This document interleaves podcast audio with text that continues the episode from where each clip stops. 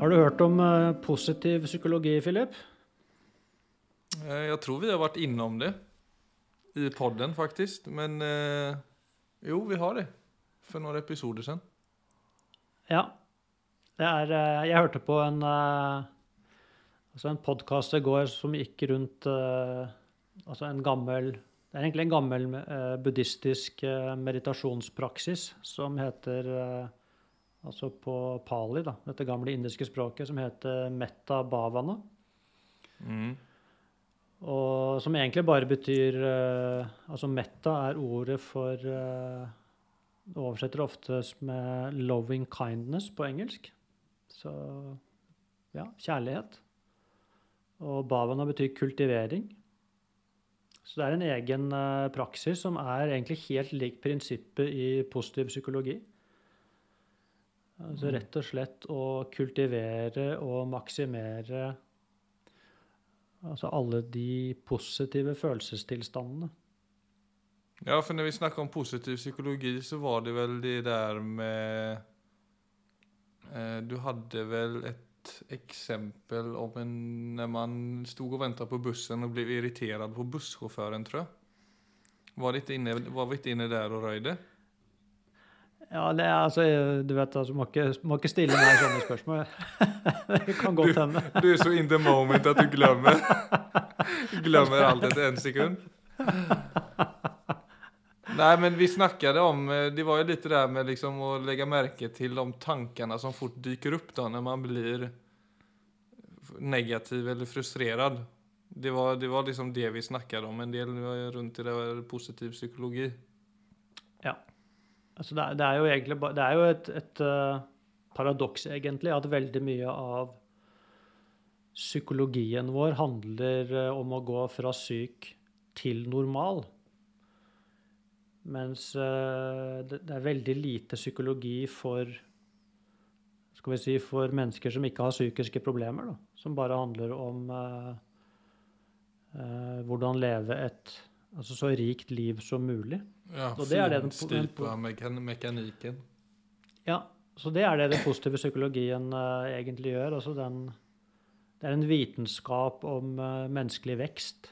Altså hva er det som, ikke sant? Så lykkeforskningen for eksempel vil jo være, kan du si, er en del av den positive psykologien. Ja. Men uh, poenget mitt nå, altså dette har de jo, men det er interessant, altså dette har de holdt på med i buddhismen i flere tusen år. Mm. Og, og det som slo meg når jeg hørte på dette i går, det er den eh, Altså den utrolige Altså evnen vi egentlig har til å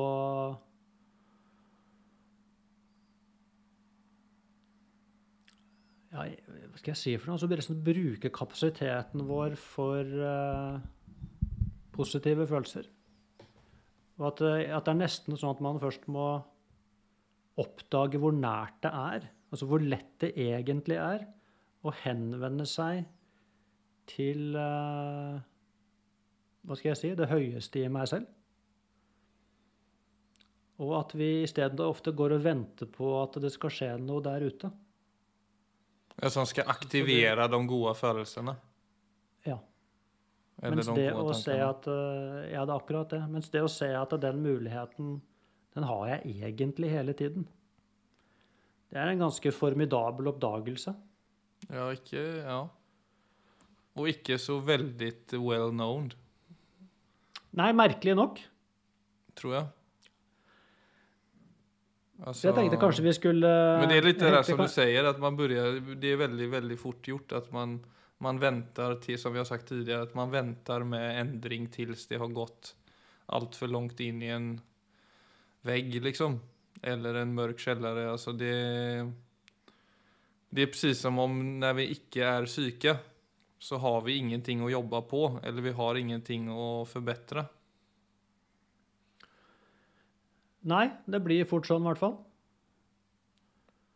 Eller det er inget som Nej. brinner då. Det är väl det att man kanske inte har... Ja, att det är, det är så pass liten del av kulturen att man inte... Att man ikke finner motivasjon til det. Ja, jeg tror heller det jeg tror heller det, er det. Altså, jeg tror uh, Altså, det er jo Jeg vil jo tenke at det var en veldig smart uh, start. Altså, la oss si hver eneste skoledag. Altså fra man var seks år gammel og startet uh, altså ti minutter med å altså meditere over vennskap og kjærlighet og takknemlighet. Ja, og hva man setter pris på, liksom. Bare en sånn enkel sak. Ja, så, så det er nok mer at ikke det ligger i det ligger ikke i kulturen at uh, vi har den muligheten. Og ikke minst da hvor uh, Altså hvor mye det gir. Altså hvor mye det gir tilbake. Mm. Så jeg tenkte kanskje vi kunne gå gjennom uh, altså én sånn øvelse. Ja, gjerne. Så, og så kan vi også reflektere litt, kanskje både underveis og etterpå, altså rundt hva er det egentlig man gjør, og hva er det, hvilket potensial er det som bor i dette eh, for oss alle, egentlig hele tiden. Mm. Så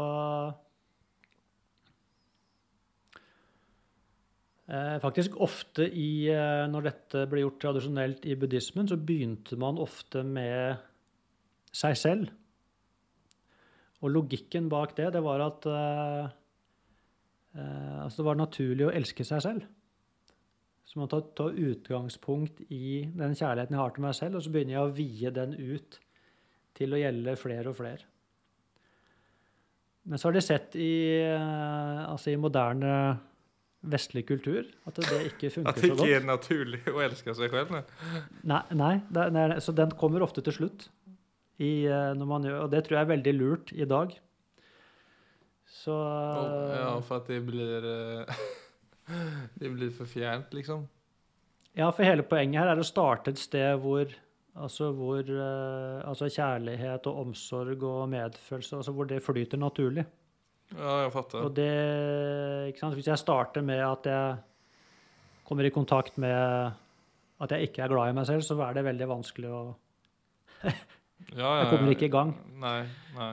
Så, så det er mye bedre å starte da med Og dette er jo en, dette er en form for meditasjon, men hvor du må bruke hele intellektet. Altså du må bruke evnen din til å visualisere.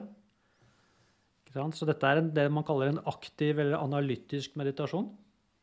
Og det første man gjør, er å finne et menneske som du naturlig eh, føler kjærlighet for. Og prøve å se det mennesket altså foran deg, altså som en visualisering, da. Mm. Det er så tydelig som mulig. Og det er ikke anbefalt å bruke altså din romantiske partner, for det er ofte kjærligheten den er på en måte ofte Det er så mange andre ting som kommer inn. Ja, så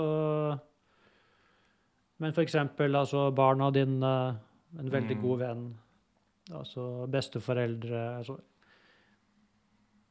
Men du vet, et, et eller annet sånt hvor det bare er den altså bare, rene ja, ja, ja. De strømmer. Ja. Uten hinder. Ja. Og det som er hele poenget med denne øvelsen, det er jo å bruke altså egentlig visualiseringsevnen min, altså det vil jo si tankene mine, men da hvor jeg lager eh, bilder liksom ut av tankene for å stimulere følelseslivet. Så det er hele poenget. Så her må jeg også så selv om det på en måte er en oppskrift her, så er det veldig viktig å, å gjøre ting som det må funke for meg. For mm Mhm. hele poenget her er å aktivere følelsene. Så, så er det egentlig snakk om å lage en, eh, altså en film, egentlig, foran eh, ditt indre øye, akkurat som du drømmer egentlig i våken tilstand. Så, så det kan jo være altså, typiske situasjoner hvor du eh, er sammen med dette mennesket, hva dere gjør. Gjerne gå tilbake til et minne som var spesielt hyggelig, eller altså typiske ting dere gjør sammen. Og egentlig bare være kreativ. Og, og samtidig, da, med en gang du kjenner at du begynner å føle noe, så kjenne på disse egentlig gode intensjonene som du har for vedkommende. Og det går det an også å repetere for deg selv. Så det er f.eks. sånn eh, at du har et dypt ønske om at La oss si at det er barna dine, f.eks. Det er jo bare et dypt inderlig ønske om at eh, de skal ha det bra, at de skal unngå sykdom, altså unngå smerte og lidelser, at de skal realisere potensialet sitt, at de skal så, det, så på engelsk for eksempel, så vil man ofte repetere for seg selv når man kommer i kontakt med det. så sånne ting, May you be happy. Uh, may you be free from suffering. Men jeg finner det selv ofte når jeg begynner liksom å skal snakke på norsk, så blir, sånn, så blir det litt kleint. Mm. Så altså, du er nødt til å finne intensjoner som som uh, du faktisk kan stå inne for. Mm. Det er viktig. Det er god poeng. Ja, det er veldig veldig viktig. For med en gang det blir kleint, så, så sitter jeg egentlig sånn og rødmer istedenfor å føle kjærlighet. Så det, dette må være autentisk. Og hvis det funker bedre bare med bilder og ikke ord, så er det selvfølgelig helt i orden. Det viktigste er egentlig at du kjenner omtrent at, altså at kjærligheten stråler ut av deg.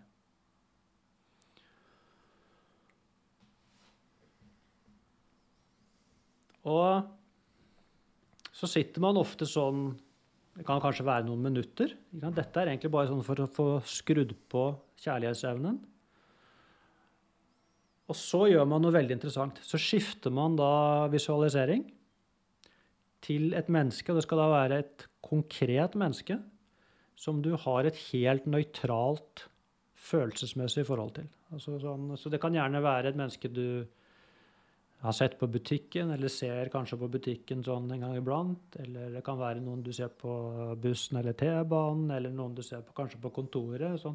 Et eller annet konkret menneske. Men når du tenker på vedkommende, så føler du verken uh, Det er ikke noe positive følelser, ikke noe negative følelser. Det er bare helt nøytralt. Mm. Og så er jo hele poenget her nå at jeg også fortsetter med akkurat de samme intensjonene. At jeg ser at kapasiteten min for å føle kjærlighet for dette mennesket er jo i høyeste graden til stede. Det skjer bare ikke automatisk, fordi jeg har ikke noen personlig relasjon til vedkommende. Og Så er det igjen nå å bruke det analytiske apparatet til å se at uh, Altså, dette er jo et menneske, akkurat som meg.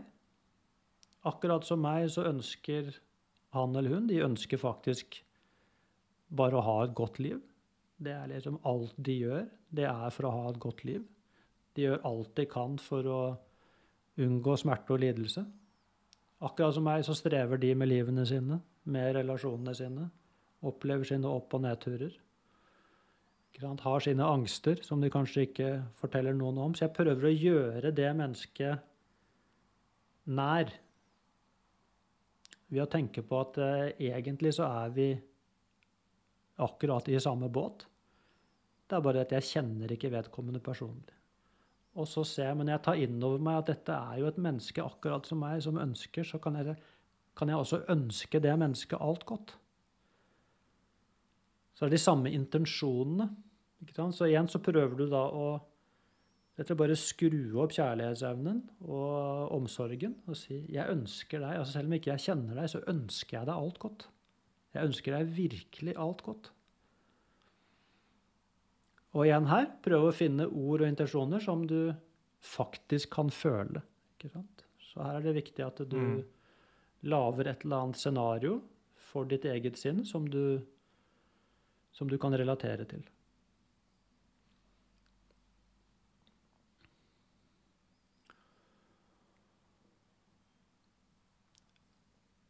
Så hvis vi bare hvis vi tar en liten timeout her nå, Philip, siden vi, dette er en podkast og ikke en meditasjon men altså, Bare sånn som vi har snakket nå, merker du at dette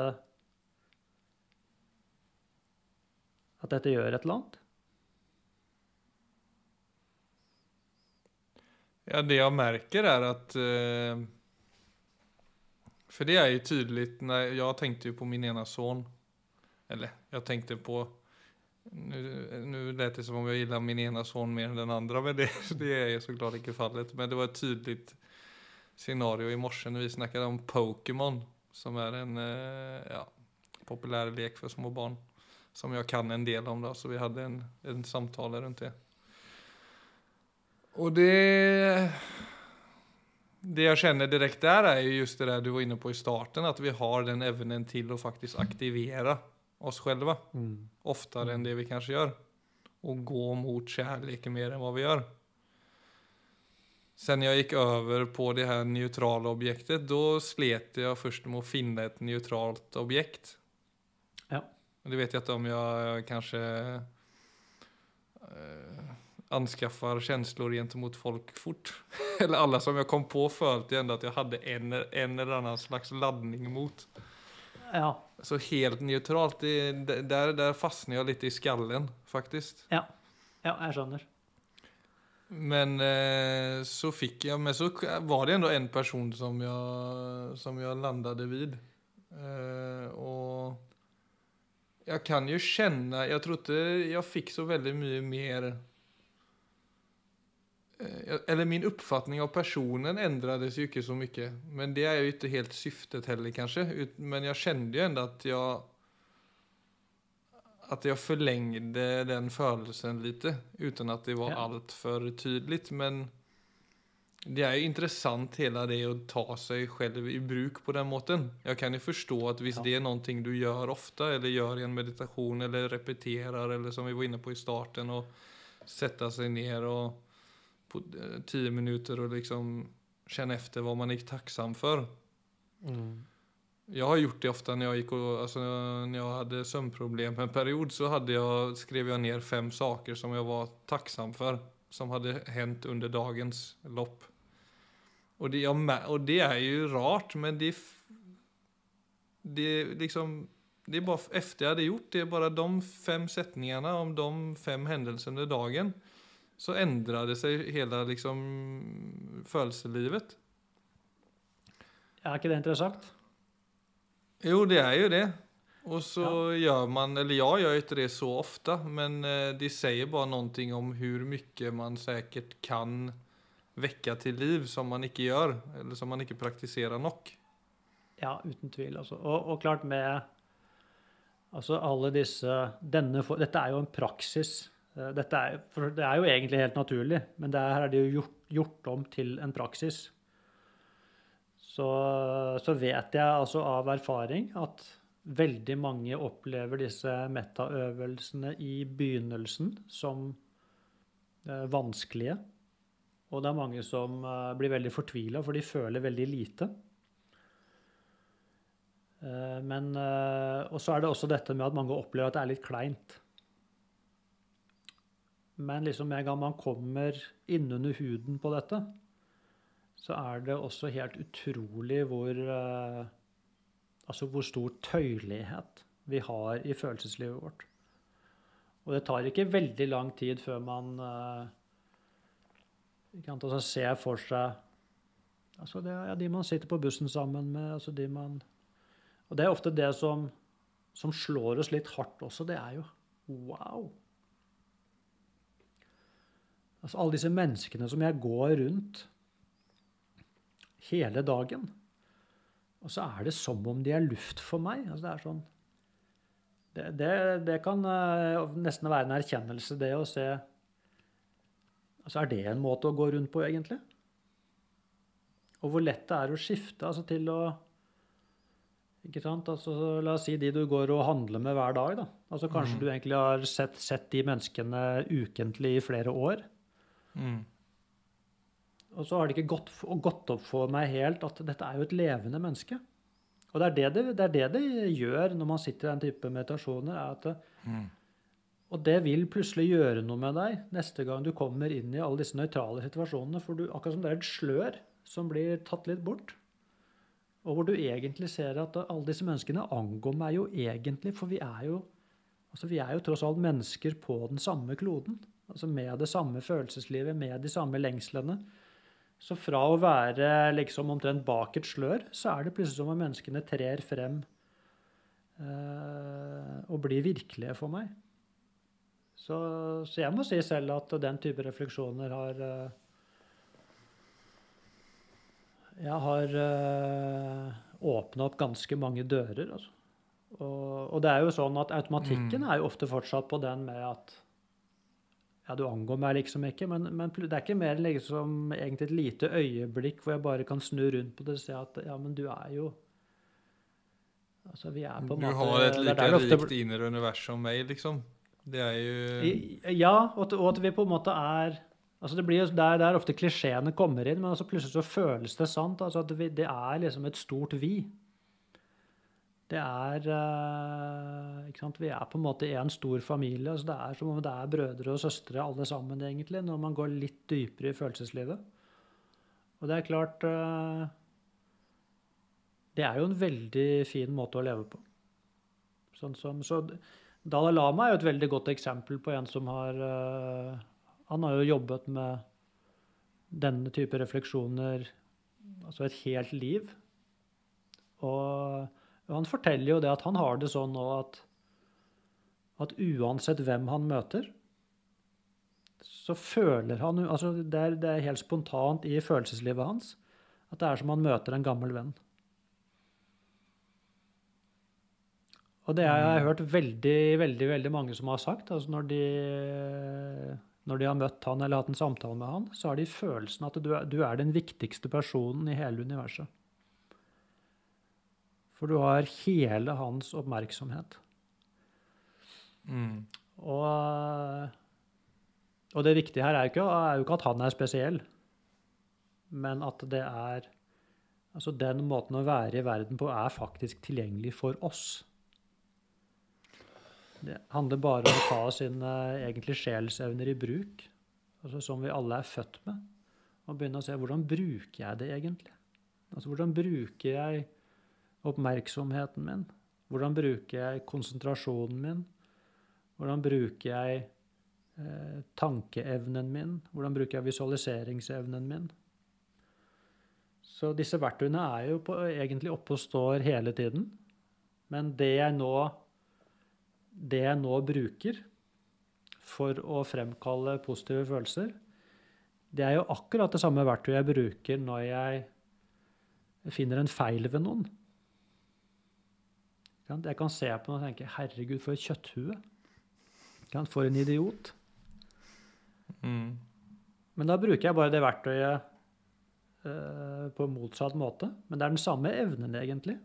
Altså min eh, Evnen min til å Altså min diskrimineringsevne er jo også det jeg bruker når jeg dømmer noen. Og kanskje holder frem de mest negative kvalitetene det mennesket har. Og ved å holde de frem, så forstørrer jeg dem. Og lager da en generalisering på at eh, han eller hun er sånn. Mens det vi holder frem i metta, er jo de tingene som, som fører til at jeg, at jeg husker på at vi er jo egentlig helt like. Altså, vi lengter egentlig etter akkurat det samme. Eh, Din livssmerte angår meg faktisk, fordi vi begge er mennesker. Så da bruker jeg jo analyseapparatet mitt til å se at uh, jeg bryr meg faktisk. Jeg må bare tenke meg litt om. Ja. ja, jeg tenker veldig på Altså, jeg har jo ofte havnet i eh, situasjoner der jeg kjenner at mine negative følelser gentemot andre har styrt meg, eller styrt liksom hvordan jeg har hatt det. Og det er kanskje en enda vanskeligere oppgave å rette den strålen mot folk som irriterer en, eller som man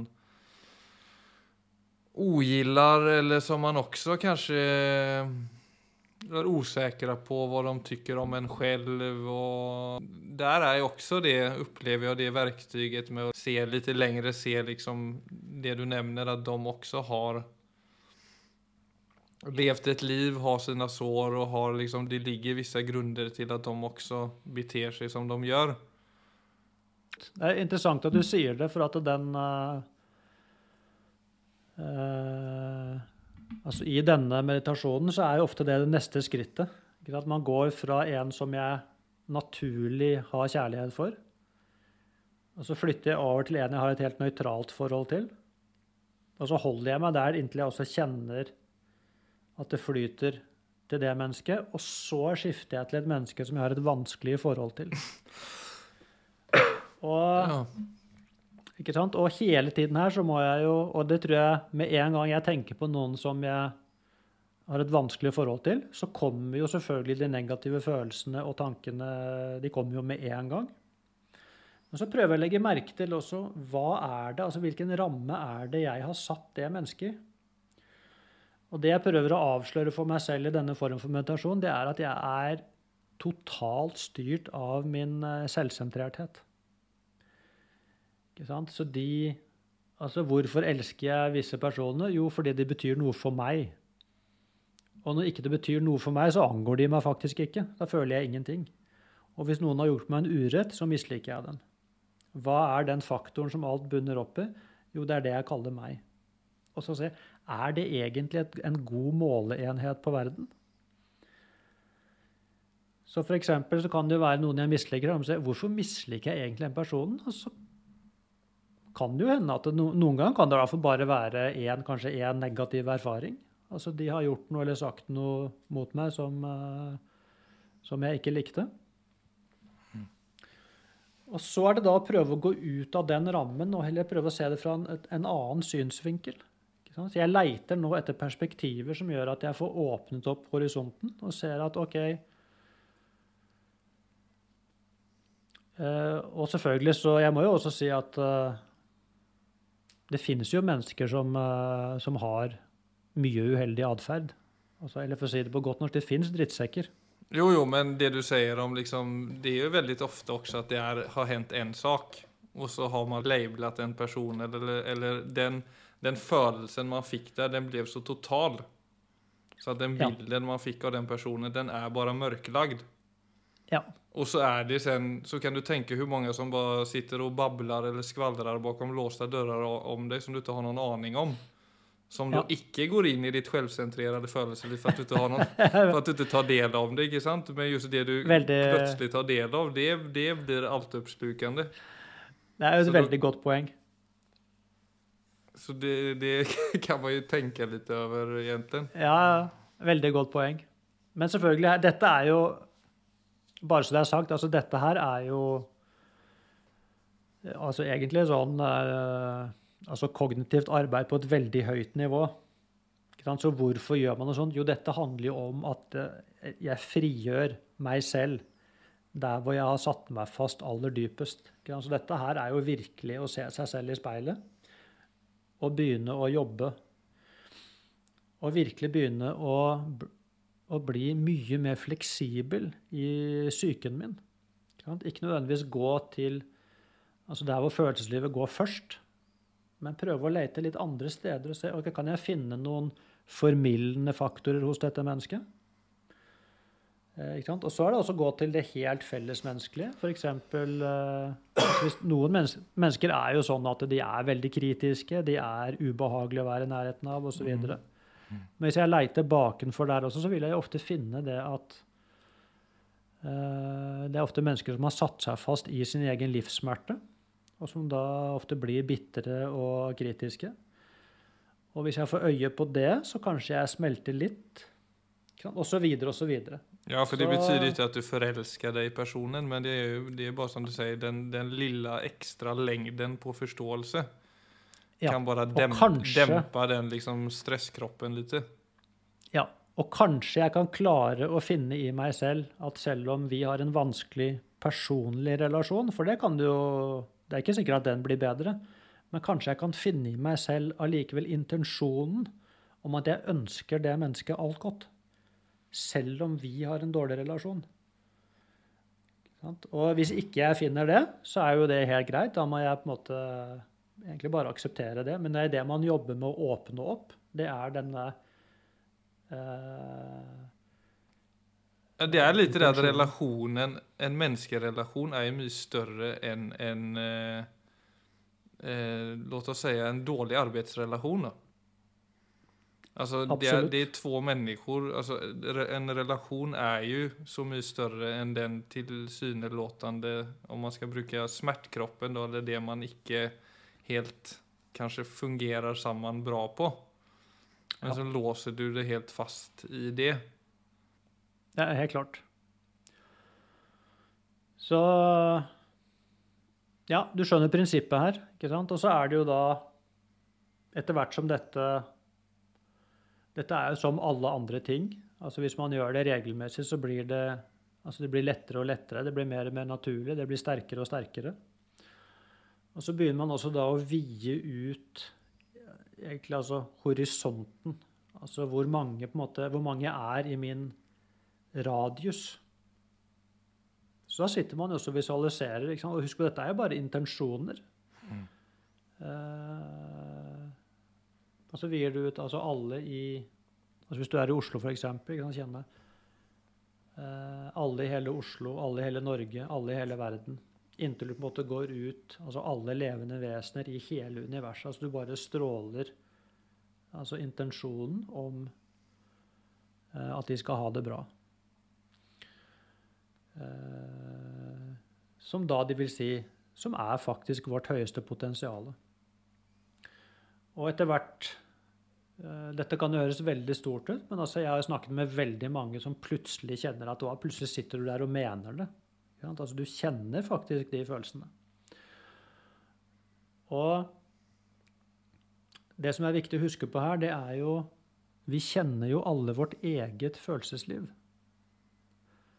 Så hvis du tenker på noen som har gjort deg en urett, f.eks., så vil jo ofte der hvor motstanden vil dukke opp, er jo det at Nei, altså han eller hun fortjener det ikke. Altså, de fortjener ikke min kjærlighet. De fortjener egentlig å lide litt. De fortjener å kjenne at det der var ikke greit. Og det, og det kan man jo godt være enig i. Men det vi glemmer der, er at det er jo jeg som sitter i den følelsen. Så når jeg ikke flyter mot noen, så er det jeg som lever i lukkethet. Den andre personen er mest sannsynlig helt uvitende om det. Og da blir dette plutselig en helt annen form for praksis. For da ser du oi, dette er jo å jobbe med mitt eget sinn. Dette er å jobbe med mitt eget følelsesliv. Dette er å egentlig låse opp meg selv og alle egentlig stengslene mine og hindrene mine mot å kjenne egentlig først og fremst at jeg er sprell levende. Dvs. Si at jeg er helt åpen i vesenet mitt. Men om noen hadde sagt tidligere da, men mister jeg ikke min kritiske sans da, som er viktig for å For at det skjer mye skit i verden som trenger et kritisk blikk. Og blir ikke ja, den tror, mindre skarp hvis du praktiserer kjærlighet for mye? Jeg tror jeg kan svare deg med altså Dette er også et eksempel som er fra buddhismen, som jeg syns er veldig veldig bra. Altså De sier det Altså Du kan, du kan jo godt øh, ønske en giftslange alt godt, men du går ikke og plukker den til å ta med deg hjem i senga av den grunn. Så du vet, du vil aldri Du blir ikke dum av dette.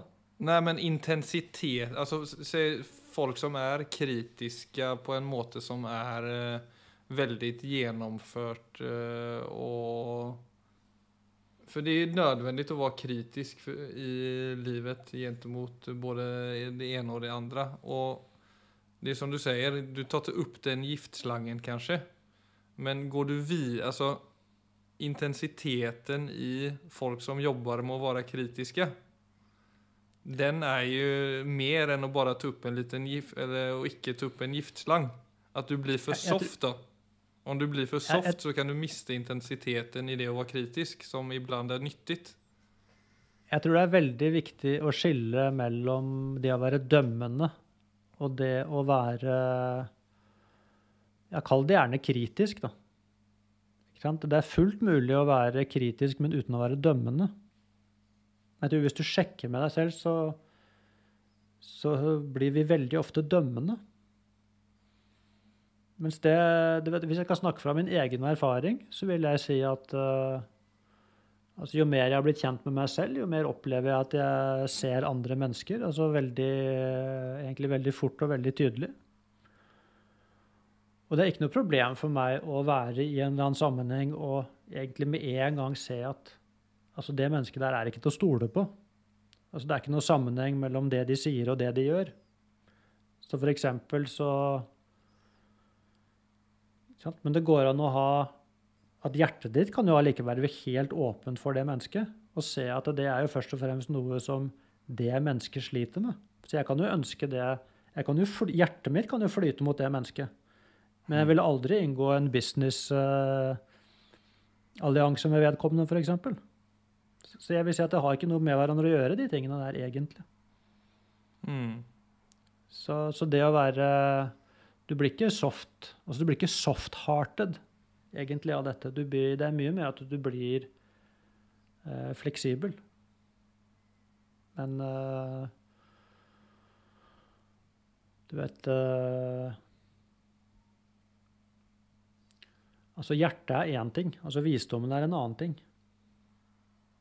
Så, så den skarpheten, vil jeg si, altså den, den kommer egentlig fra å se klart. Så du kan godt se klart altså hva som er hva. Mm. Men hjer- hjertet ditt det kan godt flyte til alt og alle allikevel. Det er eh, Jeg tror det er mer mangel på selvinnsikt som gjør at man blir soft på den måten du beskriver. Mm. Man orker liksom ikke ta inn over seg eh, eh, ja, at folk har baktanker, og at de er selvsentrerte, og at de Mens dette her eh, prøver egentlig å se ja, alle de tingene er der på overflaten, men kan jeg likevel ha en dypere Kan jeg også ha en dypere relasjon? Sånn at eksistensielt så kan jeg se det at Så eh, blir ikke verden kynisk og kald. Nei, det blir borte. For det er, liksom, det er noe under det. Ikke sant? Så på en måte kan du si at uh, Du kan jo godt være forbundet i hjertet uten at du trenger å være bestevenner.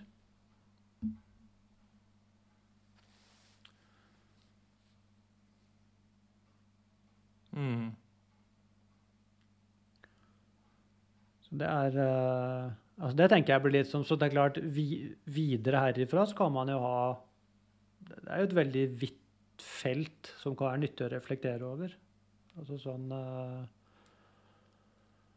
altså eksempel dette med Det, er en helt annen diskusjon, altså, men det, det blir, går i samme retning. Altså når uh, altså noen har gjort noe galt, Mm. og de blir dømt til fengsel. Dømmer vi egentlig handlingen, eller dømmer vi personen? Så det som ligger her, vil jo være muligheten til å dømme en handling, men ikke personen. Så personen går fri, men handlingen må markeres. Så da Så det er jo egentlig det Jeg tror egentlig det liksom skal være formålet med det norske fengselsvesenet, er jo ikke at det er straff, det er rehabilitering. Mm.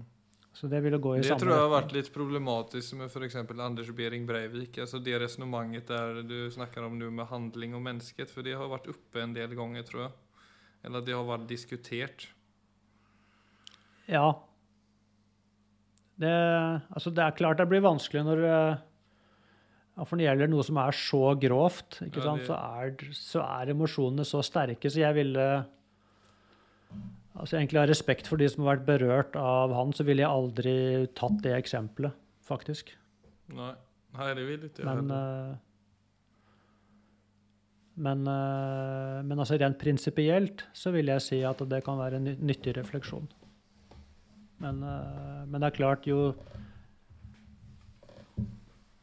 det er klart Denne type øvelser må man også ha med, selv, man må jo ha med seg selvinnsikten. For dette handler jo ikke om å prøve å føle noe jeg ikke føler. Det handler egentlig om å se hva jeg faktisk føler, og se hvorfor føler jeg sånn. Og se om det er mulig å åpne opp en del av dørene som jeg selv har stengt igjen. Nettopp fordi at det er jeg som vil oppleve den flyten. Så Men hvis jeg kjenner det, jeg tenker på noe, så kjenner jeg bare der er det lukket, så er det ikke poenget i metabaven at jeg skal tvinge meg selv til å føle kjærlighet. Men eh, jeg skal se eh, Begynne å reflektere over eh, hvorfor jeg har lukket, hvilke perspektiver som gjør at jeg har lukket, og eventuelt utforske perspektiver som gjør at det kanskje kan åpnes. Så dette er jo en veldig undersøkende, reflekterende, nysgjerrig praksis. Men allikevel å se at hvordan jeg bruker sinnet mitt, går alltid i følelseslivet mitt. Så det å bli våken for den at altså den, den fleksibiliteten, den muligheten som ligger i et fleksibelt sinn til å påvirke mitt eget følelsesliv, det, det vil jeg si er eh, den virkelige læringen i dette. Mm. Ja, og så er det jo som altså Jeg tenker sånn som på foretaksomhet. Det det er ofte en synisk verd. Og eh, altså, det er, veldig, det er veldig fort gjort at per automatikk, da, om jeg bare bruker meg selv som et eksempel her, legger en negativ etikett Ja. på diverse hendelser. Og så tenker man ikke så mye mer på det, annet enn at det lagres som et negativt minne. For det er så Ja, mye blir- Jeg, jeg syns det er så for, Ja, for jeg syns det er jo veldig mye i, som du sier For det er også den forståelsen gentemot andre at folk fort er veldig selvsentrerte ofte. Og man tar ofte seg selv i forsvar og sine egne interesser i forsvar.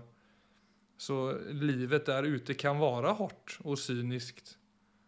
Så, så hvis, du ikke, hvis du ikke praktiserer noe sånt her alls, så er det veldig fort å havne i en felle der vi lever på ytan med hverandre. Og nå ringer det på døren her, så nå tror jeg arbeidsdagen er slutt. For hele, familien kommer dundre inn her. Så ja, takker for meg med det lille jeg sa der.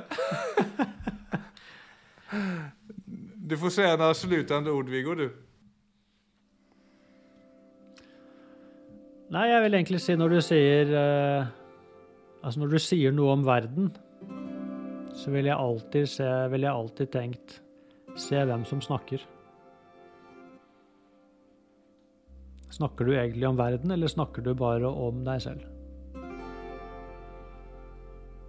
Da har vi noe å reflektere over. Ja, jeg har, levd, jeg har bare levd 50 år, men jeg har levd i mange verdener. Jeg tror ikke verden har endret seg så mye.